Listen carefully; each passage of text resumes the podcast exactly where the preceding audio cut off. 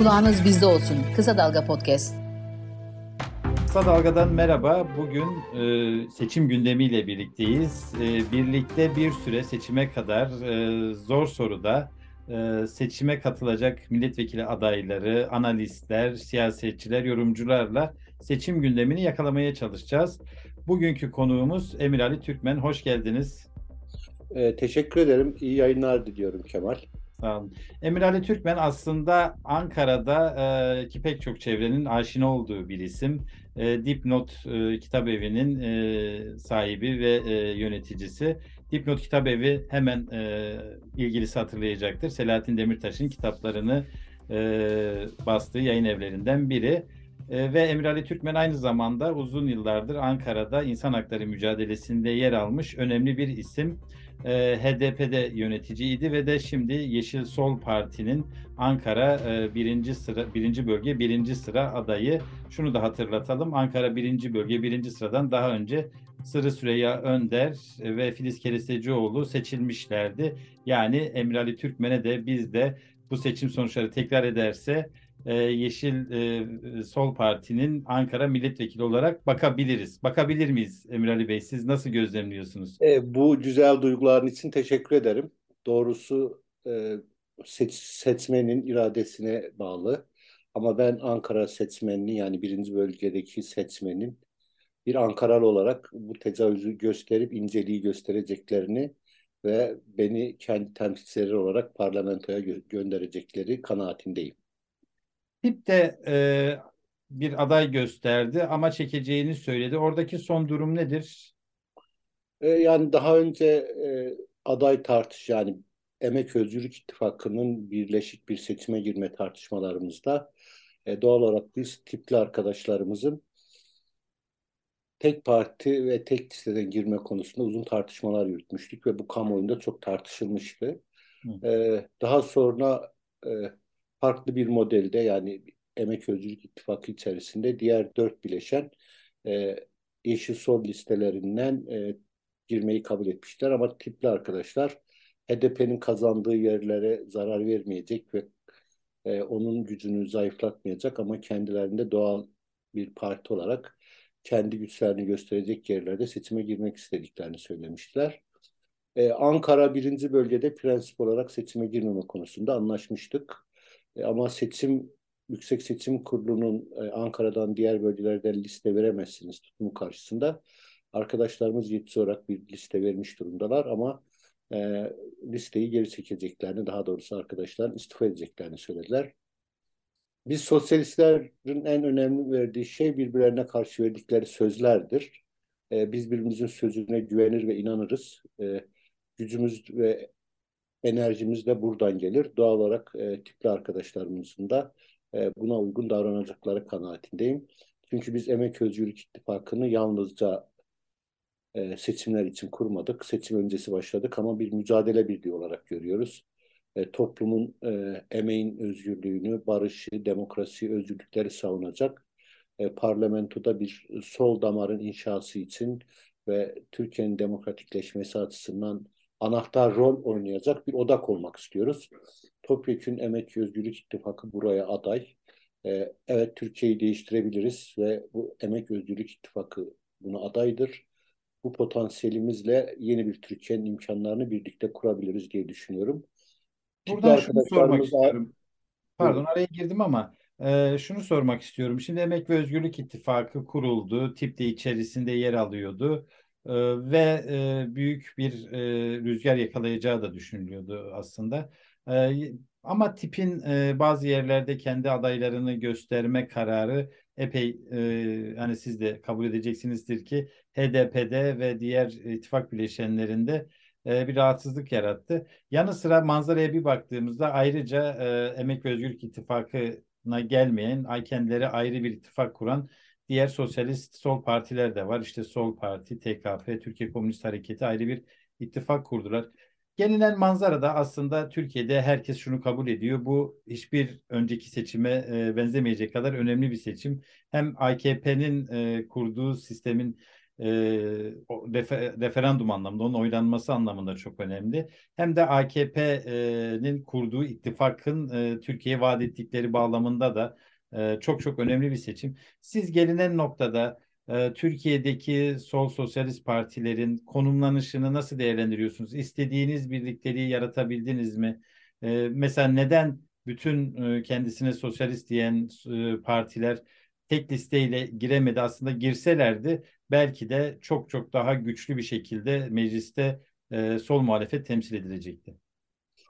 Ee, şöyle bir durum var Kemal. Doğrusu e, bu iktidarın zulmünü en çok evet HDP'liler ve sosyalistler çekiyor e, bu memlekette ama aynı zamanda tek adam rejimini yıkmak için toplumsal mücadeleler alanında, sokaklarda, kent merkezlerinde en yüksek mücadeleyi veriyoruz.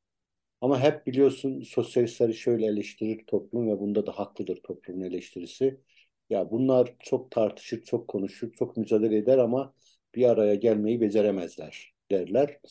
E, kısmen bunu biz Emek Özgürlük İttifakı e, çabasıyla kısmen açtık ama içinde bulunduğumuz ortamı düşününce yani bugün hepimiz açısından bu seçimin tarihsel bir seçim olduğu konusunda hepimiz hemfikiriz.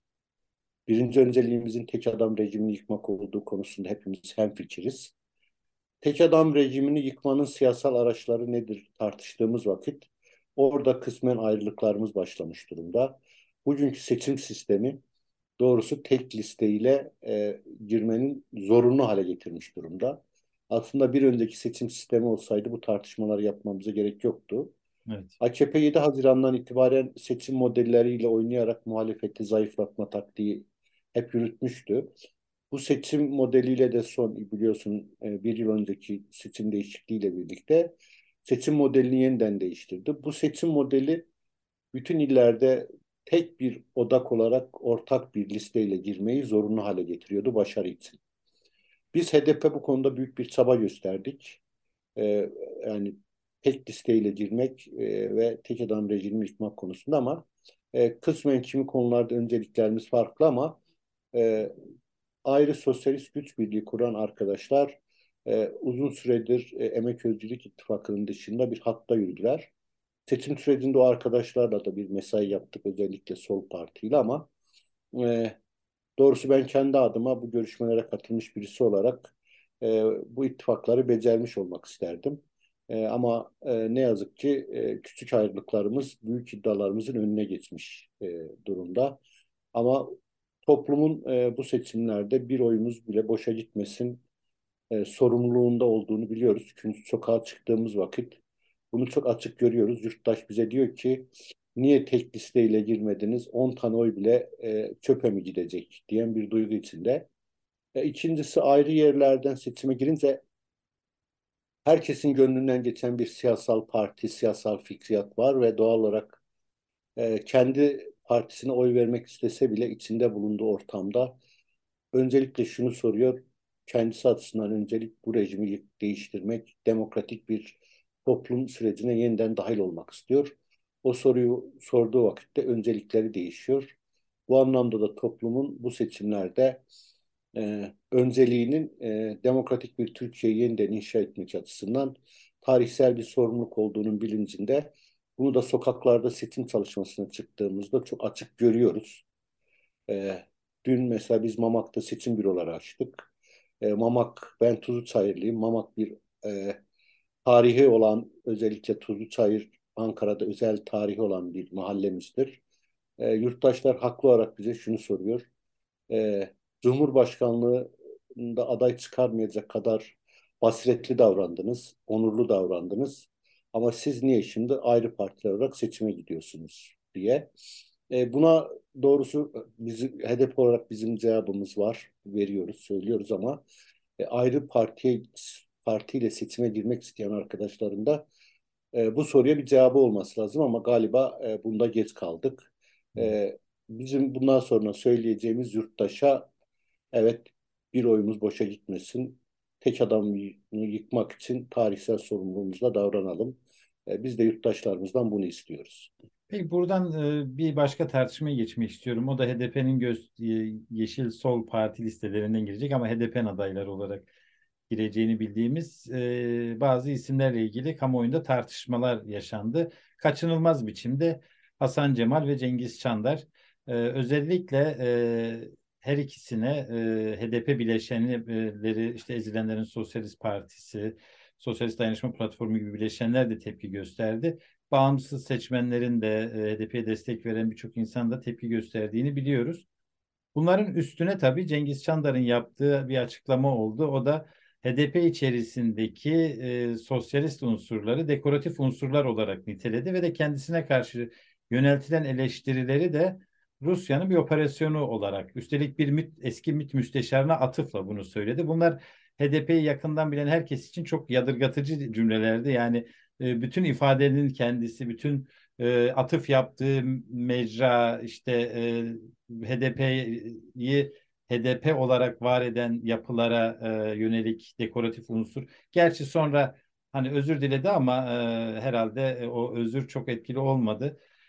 E, size sormak istiyorum. Hasan Cemal ve Cengiz Çandar'ın e, vekilliğinden murat edilen nedir? Yani neden e, HDP'nin e, ideolojisine de e, şimdiye kadarki pratiğine de e, yani kimileri çok uzak olmadığını söylüyor ama en azından ideolojik düzeyde baktığımızda bir makas olduğu, bir mesafe olduğu açık.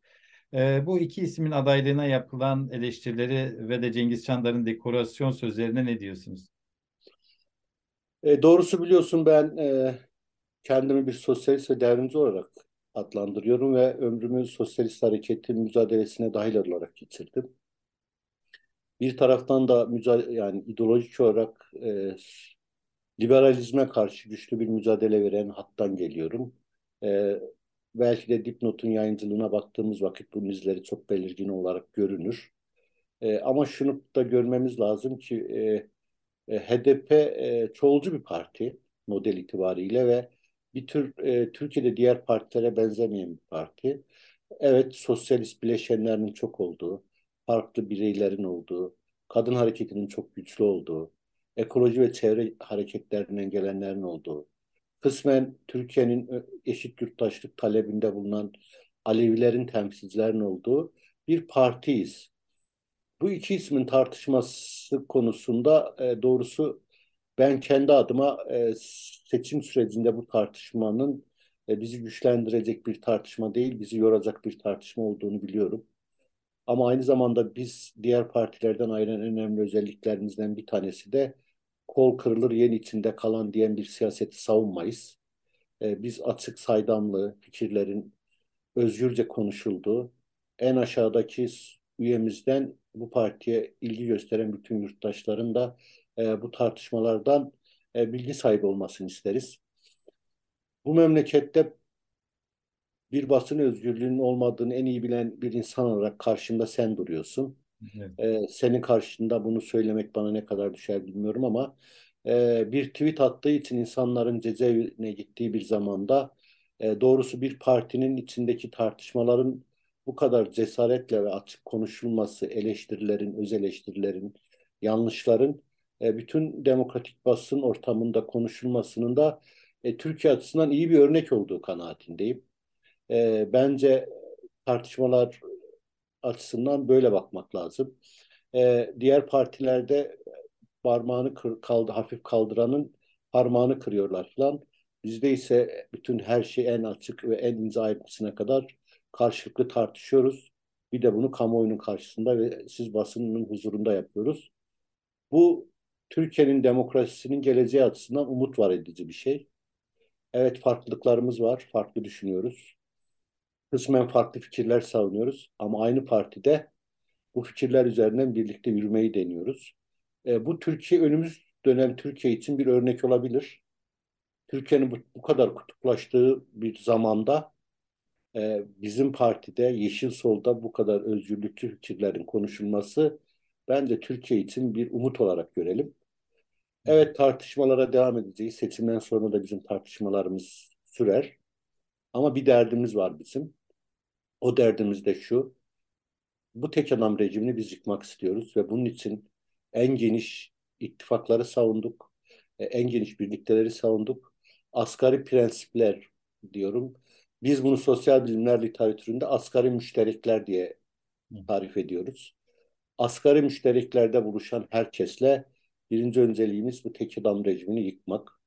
Bunun sorumluluğunu Cengiz da davranıyoruz. Çandar ve Hasan Cemal'in e, adaylığını konusunda önümüzdeki dönemde bir yeni çözüm süreci ihtimali belirdiği için özellikle Kılıçdaroğlu'nun e, açıklamaları buna yoruluyor. Yani Erdoğan kazanırsa yeni bir çözüm süreci başlama ihtimali hele ki yeni Cumhur İttifakı bileşenleri göz önüne alındığında pek mümkün görünmüyor ama e, bu yeni bir çözüm sürecine hazırlık amacıyla orada e, HDP e, sıralarından iki milletvekilinin önemli rol oynayabileceği. Çünkü Hasan Cemal de Cengiz Çandan da evet liberal oldukları için çok eleştiriyor ama Kürt sorununa yaklaşımları konusunda da e, hani belki birçok e, solcuya göre de daha olumlu bir noktada durdukları da söyleniyor. Bu e, böyle bir sahip var mı? Yani e, Kürt sorununa bir çözüm süreci başlar ve o yeni bir çözüm sürecinde rolleri olur e, denildiği için mi aday gösterildiler? E, böyle, kimi böyle for, düşünüp ve bunu böyle formüle edenler de var ama e, benim bu konudaki tarihsel hafızalar atıfta bulunmak kıymetli. Evet kimi önemli dönem, dönemlerde bu iki arkadaşımız da e, Kürt meselesinde e, Kürt sorununun demokratik çözümü konusunda uzun süre yazı yazmış. Bu konuda açık tutumlarını beyan etmiş arkadaşlar. Ama ben doğrusu kendi şahsen şöyle düşünüyorum. E, eski ağaçtan yeni ev olmaz. E, bundan dolayı tarihin bir noktasından gelmişlerin bugün sorunlarına cevap vermeyi beklemek mümkün değil. E, birlikte aynı parlamentoda bu meseleleri konuşmak, Kürt sorununun parlamentoda demokratik çözümünün imkanlarını aramak konusunda katkı verecek herkes açık olmak gerektiği kanaatindeyim.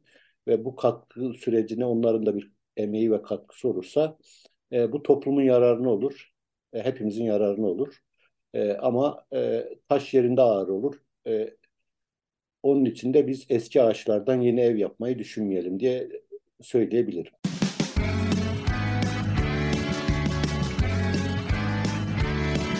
Kulağınız bizde olsun. Kısa Dalga Podcast.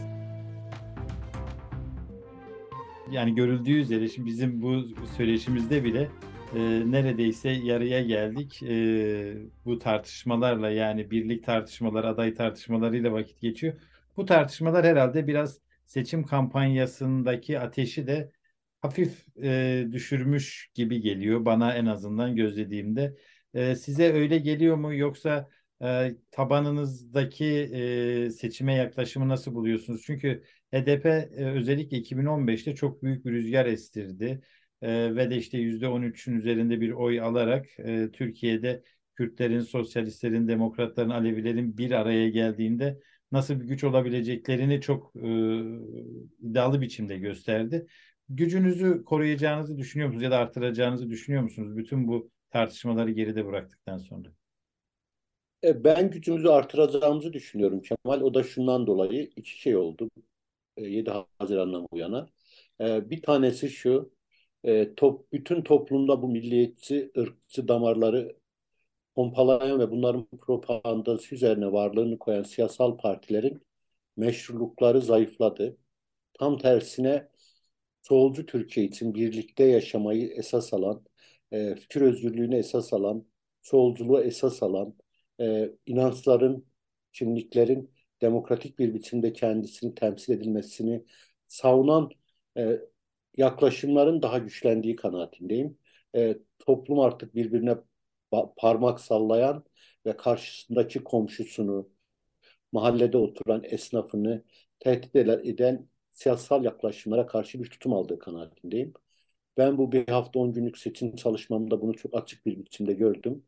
E, dün mesela e, Tuzluçayır'da Alevi yurttaşlarımızla e, Kürt yurttaşların, Türkiye'li Türklerinle sosyalistlerin, demokratların e, yan yana hararetli hararetli tek adam rejimini nasıl yıkmalıyız diye konuştuklarına şahit oldum.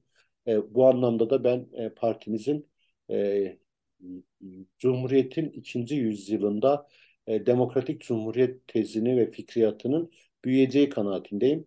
E, toplum e, bu anlamda e, demokratik ve özgürlükçü bir cumhuriyet talebi var. Eşit yurttaşlık talebi var. E, inançlara karşı saygı gösteren ve inançları meşru gören ve onu anayasal güvence alan bir toplumsal e, talebi var. E, Yeşil Sol'da bu taleplerin siyasal sözcüsü. Ben bu anlamda birçok ilde e, Yeşil Sol'un herkesin beklediğin yüzünde sürpriz yapacağı kanaatindeyim. E, ben Ankara'da bunun işaretlerini görmüş durumdayım. Peki e, bir 100 milletvekili e, hedefi vardı.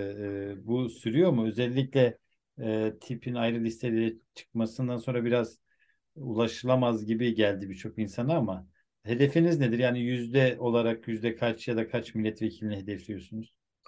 E, biliyorsun hepimizin he, e, hayalleri e, büyüktür. E, bir de hayatın gerçekleri vardır. E, evet biz Emek Özgürlük İttifakı e, e, bir tek listeyle girmeyi başarıp daha doğrusu bütün sosyalistler, e, Kürtler, Demokratlar, Aleviler, kadınlar bir ortak Emek Özgürlük İttifakı hattında bunu becerseydik ben yüzün üzerinde yüz onları zorlayacak bir vekil sayısının e, önümüz dönem aşağıdan yukarı doğru halkın temsilcileri olarak, yurttaşların siyasal sözcüleri olarak parlamentoya gideceklerini düşünüyordum. E, bugün bu, bu, bu anlamda kısmi e, toplamımız itibariyle yüze yaklaşacağımızı düşünüyorum. E, bizim Yeşil Sol itibariyle de e, ben e, yüz olmasa bile yüzü zorlayan bir rakamla karşı karşıya olduğumuz kanaatindeyim. Ama bütün mesele şu tabii, e, bütün süreci parlamentoyu dünyanın varlık yokluk nedeni olarak tarif etmemek lazım. E, önemli olan yurttaşların dertlerine çözüm üreten e, siyasal rejimleri nasıl inşa edeceği konuşmanın e, daha kıymetli olduğu kanaatindeyim. E, sokakta insanlar yoksul, e, geçinemiyorlar, e, açlık sınırındalar ve doğal olarak aynı mahalledeki 5-10 tane marketi gezerek en ucuz satılan makarnayı alma çabasındalar.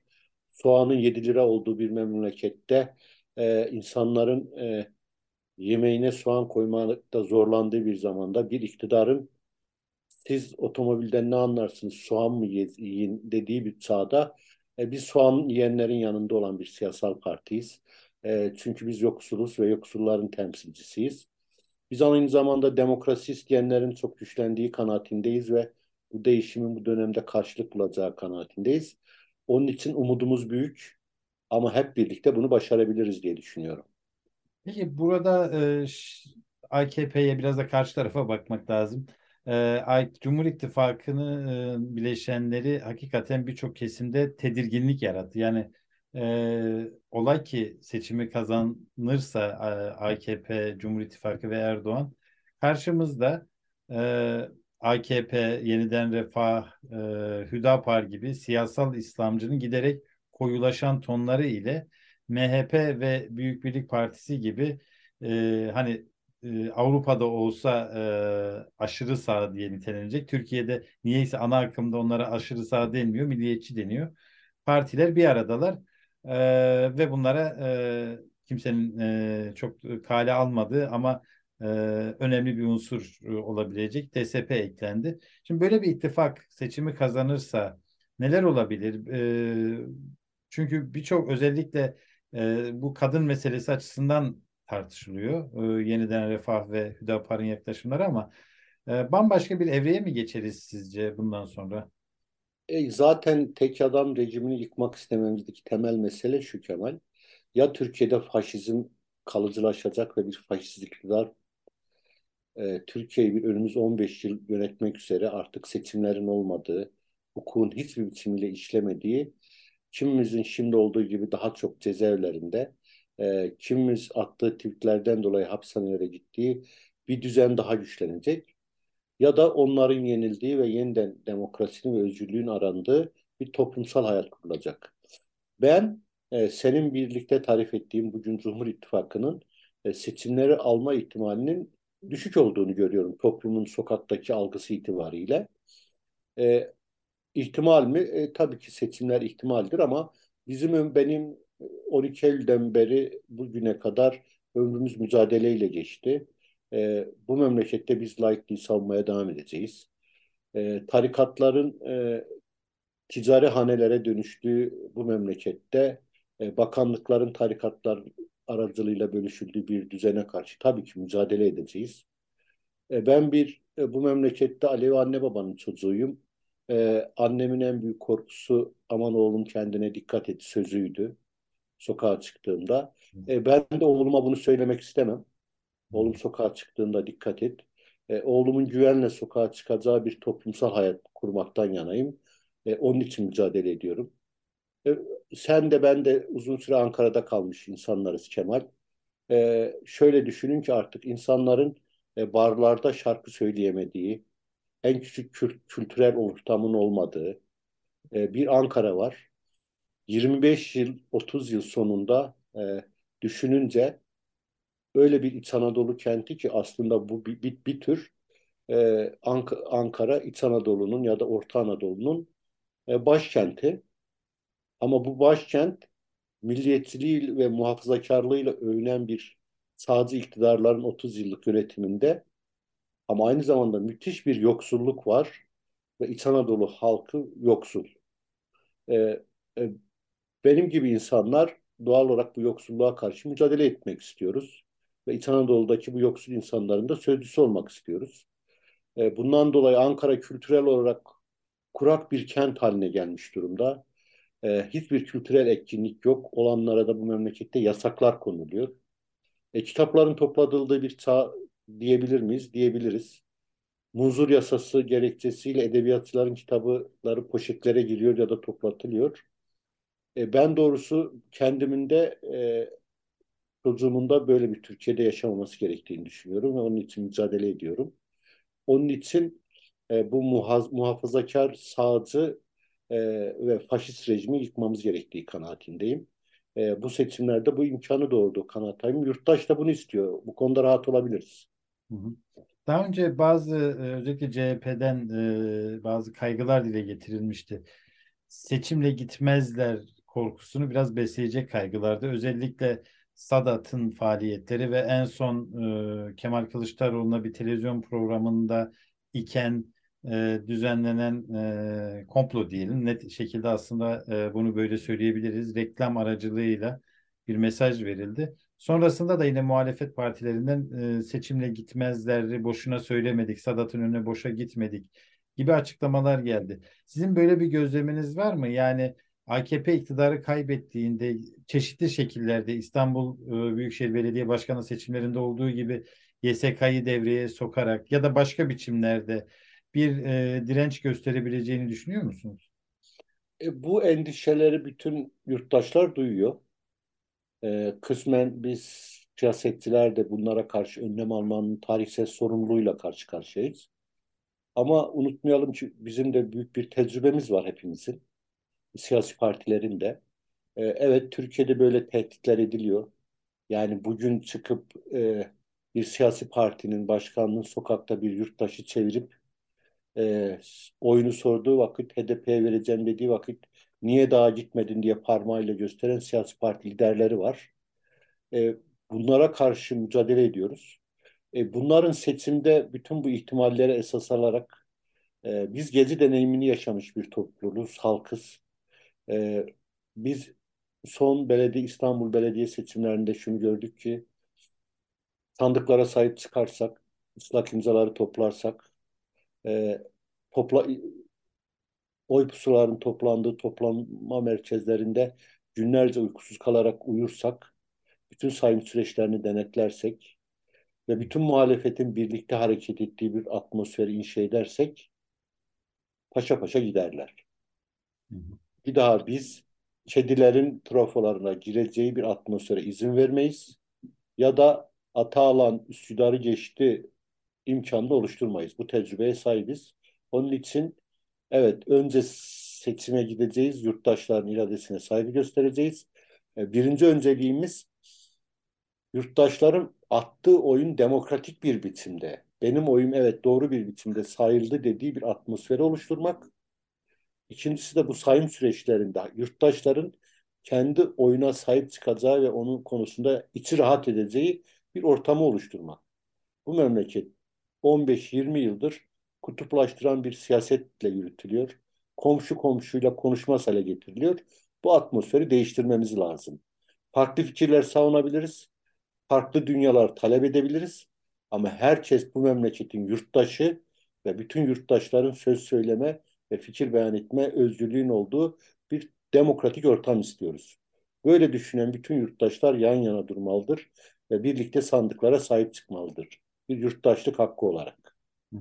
Peki e, son olarak e, seçimden sonra Kürt sorununun çözümü konusunda e, neler olabileceğini konuşmak istiyorum. Kemal Kılıçdaroğlu aslında uzunca bir süredir yani 2-3 yıldan bu yana çözümün adresi olarak meclisi gösteriyordu. İyi Parti Kemal Kılıçdaroğlu'nun ilk bu sözleri söylediği dönemde buna itiraz etmedi.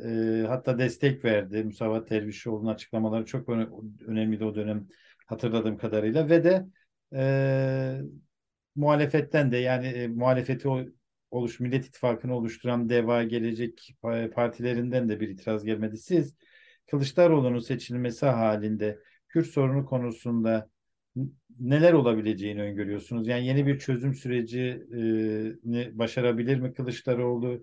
Ee, İyi Parti burada nasıl bir rol oynar? Nasıl görüyorsunuz seçimden sonrasını? E, e, doğrusu şunu açık konuşmamız lazım. E, Türkiye'nin iktisadi olarak demokrasinin güçlenmesi açısından da, yoksulluğu yenmesi açısından da, toplumun bir iç barışını sağlaması açısından bazı temel meselelerine çözüm araması lazım. E, bu memlekette bir Kürt meselesi vardır ve doğal olarak 50 yıldır, 12 Eylül'den bugüne bir sürü iktidar değişmiştir. Ama bu memlekette Kürt meselesi konuşulmaya, çözüm arama imkanları hep olmuştur. Dönem dönem umutların büyüdüğü anlar olmuştur. E, dönem dönem umutların kaybedildiği anlar olmuştur. E, Kürt meselesinin eğer Kılıçdaroğlu'nun parlamentoya geldiği vakit kendi deyimiyle, onun söylemiyle Türkiye'nin sorunları parlamentoda konuşulmalıdır. E, biz Yeşil Sol Parti olarak Türkiye başta Türkiye'nin Kürt meselesi olmak üzere Türkiye'nin temel meselelerinin parlamentoda çözülerek ve toplumla paylaşılarak saydam bir biçimde çözüm imkanları aramasının toplumun kazancına olduğunu düşünüyoruz. Bunun için bir rol almaya hazır olduğumuzu söylüyoruz. Ama evet Türkiye kendisini yeniden inşa edecekse, kalkınmak istiyorsa, yoksulluğunu çözmek istiyorsa, bu kadar adaletsizliğin olduğu bir düzende yaşamak istemiyorsa, önümüz dönem parlamentonun daha bu sorunlara cesaretle çözüm arayan, katkı sunan ve yurttaşla eşit yurttaşlık zeminini güçlendiren demokratik bir anayasa kurma hedefi olmalıdır. Ve bu da büyük insanlık açısından bir kazanımdır. Hepimizin tek derdi yalnızca bu toplum için değil, aynı zamanda gelecek toplum içinde, çocuklarımız için de e, mutlu, yaşanabilir bir Türkiye olsun istiyoruz. Bugün herkes... İyi Parti'nin burada bir engel olabileceğini düşünüyor musunuz? Çünkü Yavuz Ağar Alioğlu gibi çok uçtaki örnekleri de barındıran bir parti. Sonuçta Yavuz Ağar Alioğlu ayrıldı ama e, İyi Parti içerisinde MHP kökenli, ülkücü diye kendini niteleyen çokça siyasetçi var. E, ve de e, Kürt meselesi HDP ile ilgili e, açıklamaları son dönemde çok sıcak değil. E, yine de Kılıçdaroğlu'nun mecliste çözeriz ifadeleri henüz İyi Parti tarafından reddedilmedi ama İyi Parti nasıl bir rol oynar e, yeni dönemde? Evet, e, doğal olarak Türkiye'de bu e, milliyetçi damarlar e, karşıtını inkar ederek, yok sayarak ya da onu kutuplaştırarak siyaset yapmayı bir alışkanlık haline getirmişlerdir. Bu siyaset damarı Türkiye'de hep bir kısmı karşılık bulduğu için de hep kendilerini oradan tarif ediyorlar. Ama herkes şunun farkında, İyi Parti de bunun farkında. Türkiye'nin sorunları siyaset yapan imkanlarla çözülmelidir. Bunun adresi de parlamentodadır. Parlamentoda aynı koltuklarda oturup aynı kürsüden memlekette konuşan insanlar memleketin yurttaşlarının seçtiği temsilcilerdir. Doğal olarak onu savunan fikirler ne kadar meşruysa benim gibi Türkiye'nin çok kimlikli ve çok kültürlü demokratik tezlerini savunanlar da o kadar meşrudur. E, müzakere iyi bir şeydir. E, Türkiye'de birbirine parmak sallayan insan topluluklarındansa e, karşılıklı kısmen gülümseyerek, tebessüm ederek e, müzakere etmek toplum açısından bir kazanımdır.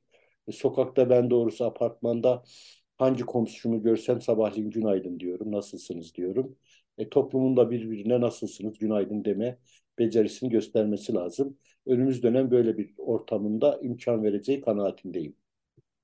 Emre Ali Türkmen çok teşekkür ederiz. Ee, zor sorunun seçim etaplı bu yeni dönemindeki ilk konuğu oldunuz. Ee, seçimlerde başarılar e, diliyoruz. Ee, dileriz ki seçim sonuçları Türkiye için gerçekten e, en azından demokrasiyi getirecek bir şekilde sonuçlansın. Çok sağ olun katılımınız için. Teşekkür ederim Kemal. Doğrusu ben biraz Ankara konuşmak isterdim. Biraz kitapları konuşmak isterdim. Ee, biraz e, yayıncılığın krizlerini de konuşmak isterdim. E, ama siyasetçi yanımız daha öne çıkınca Türkiye'nin daha temel meselelerini konuşuyoruz. Evet. E, konuk ettiğin için çok teşekkür ederim. E, dilerim e, 14 e, Mayıs'ta e, güneş daha güçlü doğacak ve hepimiz o sabah e, gülümseyerek e, hayata başlamış olacağız. O zaman 14 Mayıs'tan sonra sonuç ne olursa olsun bir Ankara ve kitap konulu program için de şimdiden sözleşelim. Ee, dileriz ki olumlu bir atmosferde Ankara'yı ve kitapları da konuşuruz.